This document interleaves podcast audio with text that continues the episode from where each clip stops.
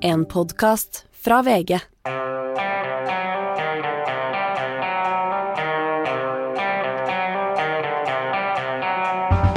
Raymond Johansen vil ha ny debatt om norsk EU-medlemskap, og Arbeiderpartiets podkast Partipressa har havnet i beef med Tore Sagen og Harald Eias nye podkast.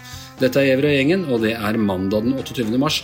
Og vi er ikke i Oslo, eh, Tone Sofie og Hanne, vi er i Budapest. Ja, vi har lagt hele avdelingas eh, seminar og studietur, må jeg si, i Budapest nå den uka det skal, neste uke skal være valg her, så vi skal lære litt. Som jeg alltid sier, at eh, journalistikk er et helvete, men det er bedre enn vanlig arbeid, i hvert fall. Så nå spiller vi inn podkast i senga til Anders Giæver. Ja, Hanne sitter i senga, du sitter på en puff ved siden av senga. Jeg vil ikke skape feil indre bilder her. Og jeg sitter på en stol ved siden av sengen. Så jeg sitter best, egentlig. Ja, på Vision hotell i, eh, i hjertet av eh, Budapest. Og vi kommer selvfølgelig til å komme tilbake. Det er altså valg i Ungarn om, om kort tid.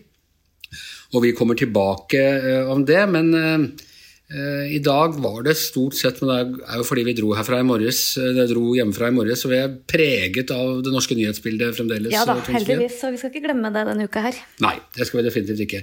Og en som er veldig fornøyd med det norske nyhetsbildet i dag, det er Hanne Skartveit. Fordi i helgen så gikk Raymond Johansen i Arbeiderpartiet ut og ville ha ny norsk debatt om norsk EU-medlemskap. Ja, endelig en sentral Arbeiderpartipolitiker som går ut og åpner det ballet også i Arbeiderpartiet.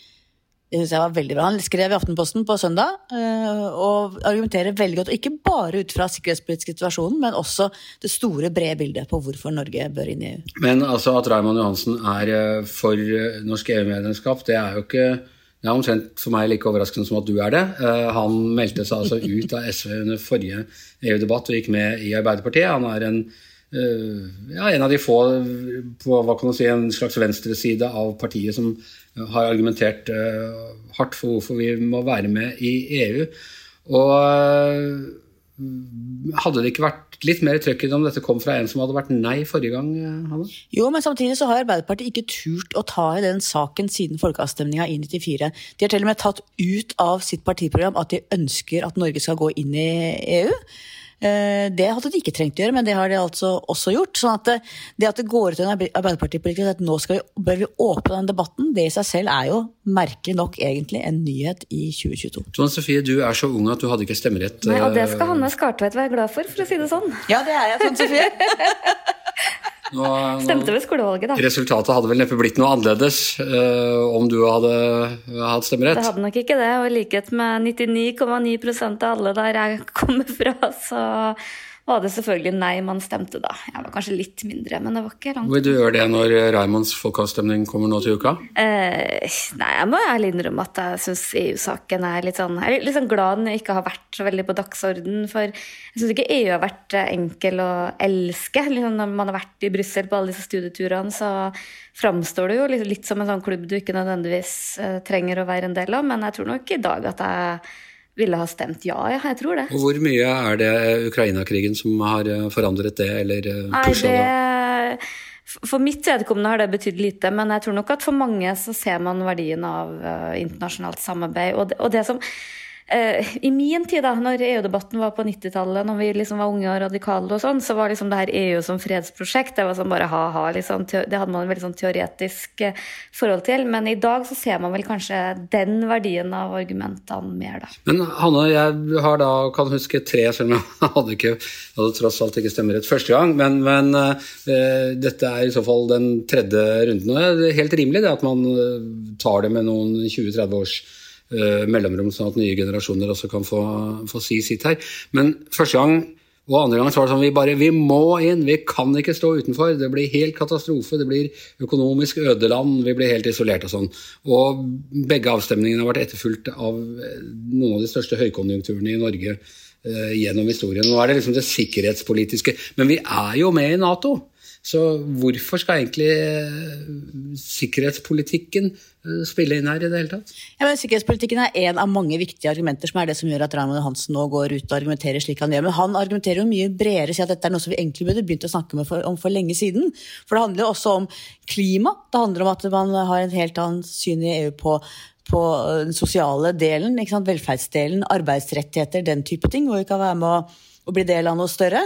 Men så er det klart at sikkerhetspolitikken, ja, vi er med i Nato. Men er, vi er ikke helt sikre på hvordan det egentlig går i USA i åra framover. Hvis Donald Trump blir gjenvalgt. Det er et ganske skjørt demokrati. Jeg tviler ikke på at Amerika vil klare seg, men det er skjørere enn det var. Og vi trenger den forankringen. Og tenk også f.eks. i møte med Kina. Da handler det om en politisk økonomisk forankring, mer enn rent sikkerhetspolitiske militære forankringa. Vi har vært i fryseboksen til Kina før. Det å være en del av en større blokk vil åpenbart være en, en fordel da. Så dette handler om sikkerhetspolitikk i en bredere perspektiv, og om veldig mye annet. Men er det ikke, altså vi er jo økonomisk sett så er vi jo med. Og EØS-samarbeidet gjør at vi i, for de aller fleste tilfeller eh, er med. Det er litt som jeg husker av og til når jeg gikk på forsøksskolen, så var det allmannamøtet som var skolens høyeste organ. Var Av og til så var vi anarkistene boikotta allmannamøtet i protest mot et eller annet. Og, og det, men vi måtte jo altså ellers da finne oss i det som ble vedtatt der. Og sånn er det jo i Norge òg. Hvis nordmenn da sier at nei, vi vil ikke være med og vil ikke sende representanter til Brussel og vil ikke ha en sånn politisk klasse der nede og, og og sånn, Så greit nok, Norges interesse blir jo ivaretatt likevel. Ja, Vi er med, men hva betyr vi er med, Anders? Det er altså at Vi er, vi sitter ikke engang nederst ved bordet. Vi sitter ikke ved det bordet hvor beslutninger blir tatt som angår oss, og som vi bare må forholde oss til å ta som direktiver uten å ha noen som helst påvirkning.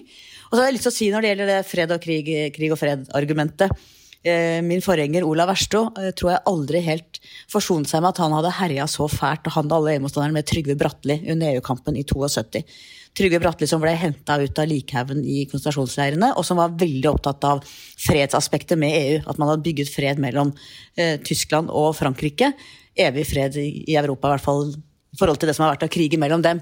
Og det er fortsatt et veldig veldig valid argument, som jeg syns det er rart at EU-motstanderne har herja og ledd så mye av som en del av dem faktisk har gjort. Eh, Sofie, hvordan tenker du altså at nå kommer et nytt initiativ? Det kommer fra Raymond Johansen, som uh, Oslo elite, boble, Arbeiderparti, bo midt i byen uh, i det hele tatt. Altså, vil det i det hele tatt påvirke grasrota i partiet utover i landet? For å si det sånn, hadde det kommet for ja, 100 dager siden, da, etter Hurdalsplattformen og sånn, hvor man jo faktisk Eh, går i en litt sånn annen retning. Man sier jo at EØS-plattformen står fast med at man skal utrede handlingsrommet, og den litt mer kritiske linja til Senterpartiet vant jo litt mer fram.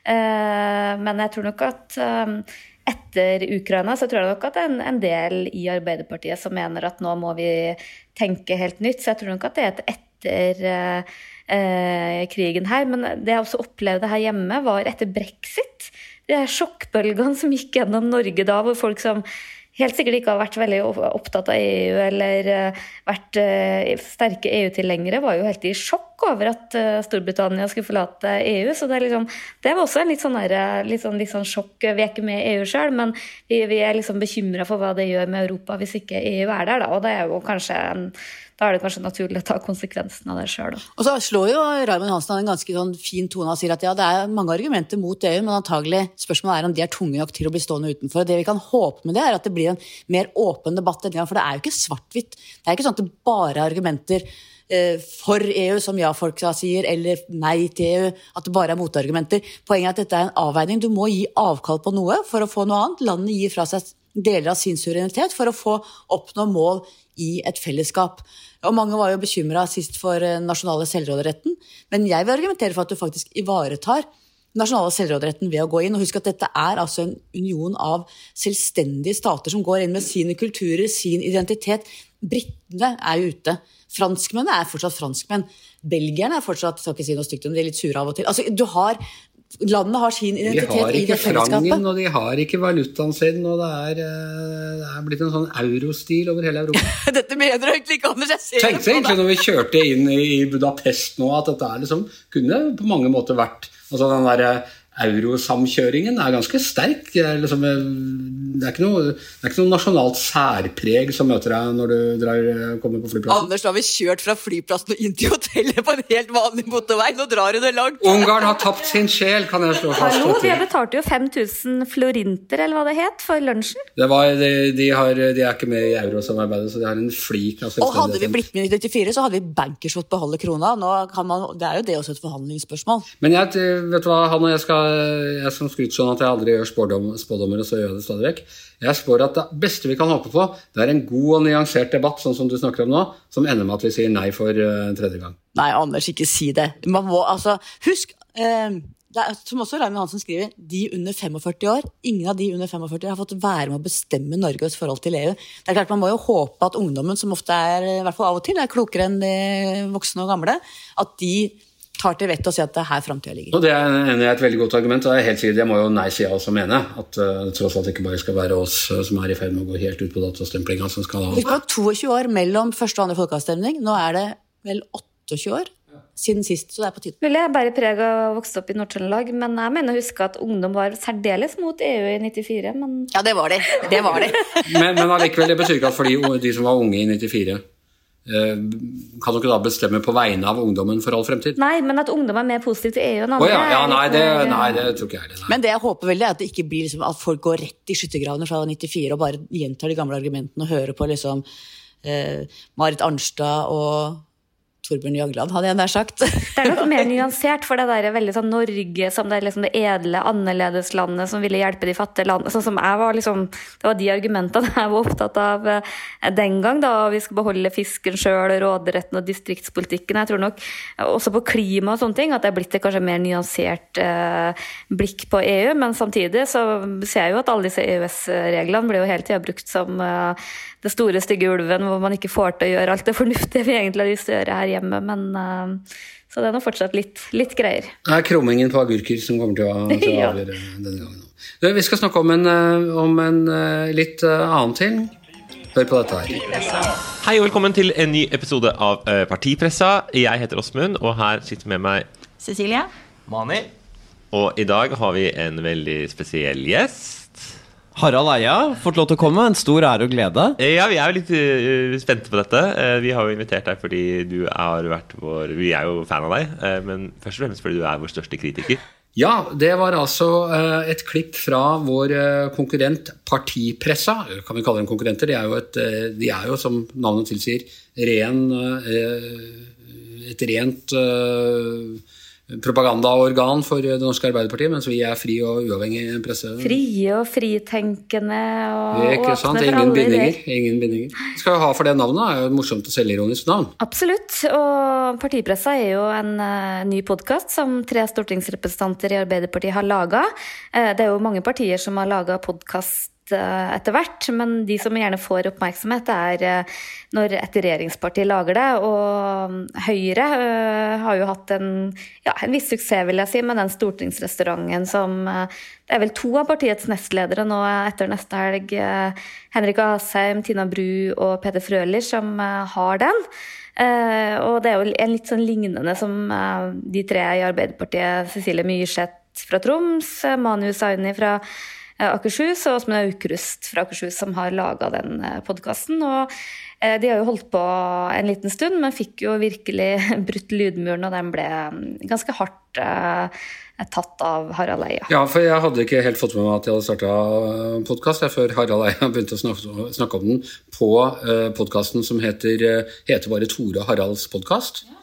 Og de er jo en slags kolleger av oss, de lager den i, i i VG, og den blir del av denne Podme, den er en del allerede av denne Podme-appen, som vi også skal inn i om, eh, om, en ukes tid, og som vi håper alle vil abonnere på. Det koster bare 79 kroner, da får du tilgang på hele VG pluss samtidig. Uh, er det innholdsmarkedsføring, Anders? Dette er innholdsmarkedsføring. Ja. Uh, og, men altså, Harald Eia drev og i ganske kjent stil snakket om dem, levnet dem ikke så mye ære de bestemte seg for å ta tyren ved hornene, eller eh, hva det heter, og inviterte Harald Eia som gjest i podkasten sin. Og det virker jo lurt. Inviter din kritiker inn. Og Harald Eia kritiserte jo den under Eh, dekke, eller dekke, med den begrunnelsen at han sjøl er Ap-velger, eh, er glad i partiet. Og, ble litt skuffa når han hørte part, hvordan liksom partiet snakka om uh, politikk. De det er jo liksom litt det de sier. Det er rørende hvordan Harald Eia plutselig da fremstår ja, som sånn, en av de gamle partiveteranene som nå er bekymret for utviklinga. Ja, og, og det som var liksom kjernen i hans kritikk, da, var at de liksom var litt sånn nedlatende og sarkastiske, og det er jo én ting. Og det andre er at han syntes at de var veldig overfladiske i hvordan de behandla ting. F.eks. Bjørn Dæhlie sin uh, eh, skatteflukt til Sveits. Liksom, Istedenfor å liksom gå litt i dybden på det, så ble, det liksom litt sånn en rant. da. Men så inviterte de han inn i sin podkast, og det er jo alltid veldig lurt snakket om kritikken og sånn, men det som åpenbart skjedde, var at han ville snakke om Trond Giske-filmen og makt og rår, og sikkert hadde en del utfordrende spørsmål på metoo som de ikke følte de kunne svare på, og så ble den i ettertid klipt. Og Harald Eia ble rasende, og nå går nå litt sånn debatten mellom de om eh, om uh, lu, han har lurt de. Og, og de ville ikke engang utlevere da klippen, sånn at han kunne spille da i sin eh, podkast? Eh, opptaket av, eh, av, hva de hadde snakket om der? Nei, det stemmer, og her blir det ord mot ord som ikke jeg vet hvem som har rett i det. Men det er jo litt sånn der eh, påfallende at man Et litt sånn ubehagelig tema de ikke vil snakke om, det, det fjerner de. Liksom, og det er kanskje ikke så veldig tillitsvekkende liksom, at tre erfarne Arbeiderpartipolitikere blir utfordra på Trond Giske-filmen nå. Det burde man kanskje forvente, men Vi må ikke kaste altfor harde stein i, i glasshuset her, for dette er et tema vi har tråkka litt forsiktig rundt i denne podkasten nå, etter hele Bar Vulkan og alle de greiene der for noen år siden. Ja, snakk for deg sjøl. Jeg ja, snakka mye om den saken. Det, jeg syns jo litt synd i de tre, for de får jo en eh, ganske røff eh, behandling, og hadde nok ikke sett for seg at en person som Harald Eia skulle sette seg ned og fingranske hva de sier. og det tror jeg hadde, hadde han gjort det samme også, oss, hadde det sikkert kommet noen pinlige øyeblikk.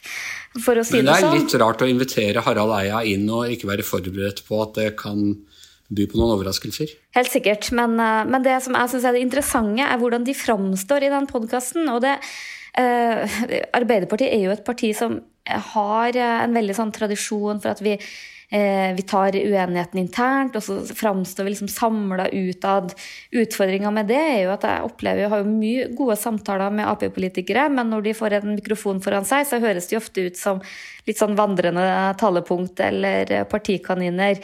Og, og det, liksom, det, forsvarer de seg liksom med at sånn må liksom Arbeiderpartiet være. Jeg er veldig usikker på om det liksom er litt sånn gangbart i, i, dag, hvor Arbeiderpartiet ikke er så mye større enn alle andre. Og uh, hvor jeg også tror at det kanskje ikke er så utrolig um, stimulerende for politiske talenter å være i et sånt miljø. Og det er også noe med de analysene de presenterer i den podkasten, syns jeg har vært veldig sånn der nedlatende mot andre partier som faktisk gjør det veldig bra på meningsmålingene. og jeg håper jo for uh, disse politikerne sin del at de faktisk lytter litt til den kritikken fra Harald Eia. For er det noen ting jeg tror um, både politikere i dag, og ikke minst Arbeiderpartipolitikere, har godt av, så er det kanskje litt mer evnen til å vise både litt tro og tvil og tvisyn og og kanskje også litt sånn de dilemmaene man opplever som regjeringsparti når man uh, sitter og styrer. Ja, Du hadde noen eksempler på, på Høyre beskyldes for å slite med å finne formen, konkurrere med Rødt om å være mest populistisk, drite seg ut, være useriøs og komme med mye ræl. Ja, og det er liksom når man kommer liksom med sånn eh, Nå er jo sjelden politikere de beste til å analysere andre politikeres framgang, men liksom, du forventer på en måte et litt annet nivå om Jeg skulle gjerne tenkt meg hørt eh, litt sånn ærlige vurderinger av hvorfor, de, hvorfor regjeringa sliter sånn. Det er ikke noe tvil, syns jeg i hvert fall, at Jonas Gahr Støre gjør, gjør, en god figur i den situasjonen. Det syns jeg Anniken Huitfeldt gjør. Eh, andre likevel så er det liksom Høyre som tar all effekten av den der krisen eller rally round the flag. Senterpartiet synker jo som en stein om dagen. Og liksom reflektere litt rundt det, istedenfor litt sånn derre ja, liksom Høyre driter seg ut, og de skjønner ikke rollen sin. og attpåtil liksom drar til med sånne analyser som at folk er jo kjempeglade for at det nå er vi som styrer landet. og Det er liksom litt sånn, det ser nesten litt sånn komisk og ali ut når du samtidig gløtter litt på meningsmålingene. og det er liksom Der jeg blir liksom litt sånn Er det partikulturen i Arbeiderpartiet? Er det at de ikke tør? Er det, hva er det som gjør at man kommer med sånne platte ting? da? Uh, har du hørt denne podkasten, eller, Anne? Uh, jeg har hørt én episode. Ja, hva syns du? Alt er jo alle andres feil. Alle de andre er veldig, veldig dumme. Eh, og de i Arbeiderpartiet gjør ikke noe feil. Eh, det er veldig sånn apparatskikk-følelse over det. Jeg syns det var eh, jeg syns det var litt plumpt og veldig som Sofie, veldig lite evne til selvrefleksjon. Veldig lite evne til refleksjon i det hele tatt. Jeg hadde ventet mer, må jeg si. og litt selvironi og litt selvkritikk. Og måte, det var som noen talepunkter, altså. Det var ikke mye fri tanke der. Nå ser jeg at Mani Husani har invitert seg selv til podkasten til Tore Sagen og Harald Eia. Jeg har nesten lyst til å være litt medierådgiver tenke at da skal han tenke seg veldig godt om før han gjør det, i hvert fall. Eller kanskje ikke. Liksom, min store skrekk nå er jo at de nå skal bli livredde etter den uh, Ja, komme inn i offentligheten med å ha en podkast som de tenker er litt sånn intern, og så få oppmerksomhet på helt feil saker. Ja, herregud, det er voksne mennesker som sitter på Stortinget ja, og har høye tillitsverv. De kan jo ikke bli skremt fra nei, å bli latterliggjort på en podkast. Det kan du si, Anders, men jeg er litt sånn bekymra for det i politikken at politikere i dag er for redd for å gjøre feil, redd for å tenke høyt, redd for å trå litt utafor partilinja. Eh, at vi får mindre interessante politikere. og Det trenger vi virkelig ikke. Og en som er liksom brukt som et eksempel når jeg har skrevet om det, er jo den tidligere Ap-politikeren Marianne Martinsen, som nettopp har gått ut av Stortinget. Og nå er jeg gjesteskribent hos vår konkurrent Aftenposten. Jeg syns hun leverer utrolig mye interessant. Og kunne ønske at en, en liksom ganske ung Arbeiderparti-stortingsrepresentant hadde gjort noe tilsvarende. Det er det jeg er litt sånn redd for, at politikerne rett og slett blir for redde for å gjøre feil og er mer opptatt av å forsvare egne standpunkt enn å faktisk tenke litt høyt. Men her er jo kritikken mot disse unge at de nettopp er, ikke er Eh, åpne og selvkritiske, at de er altfor mye innafor, at de ikke er nok utafor. Sånn at i den grad de tar kritikken på alvor, så bør de bli litt mer selvkritiske og åpne litt mer opp i hodene. sånn at det kan jo godt hende at kritikken her kanskje funker til å få dem litt andre veien, da. Ja, vi la om denne podkasten til å bli mer sånn VG-kritisk podkast, hvor vi bare sånn kritiserte Det får du ikke lov til, Anders Giæver. Der, der, kom dagens tredje stein i glasshus. ok, ok. Vi, vi, eh, jeg tror vi må runde av der før jeg får for mange gode ideer. Uh, og med det så er Giæver og gjengen eh, over for i dag. Vi er tilbake i morgen fra Budapest. Da blir det litt mer om Europa og krig og fred og politikk og sånn. Tusen takk til Tone Sofie Aglen. Tusen takk til Hanne Skartveit. Jeg heter Anne Skjever, og mannen som er hjemme og holder fortet og sørger for at dette blir en podkast, er som vanlig Magne Antonsen. Du har hørt en podkast fra VG. Ansvarlig redaktør, Gard Steiro.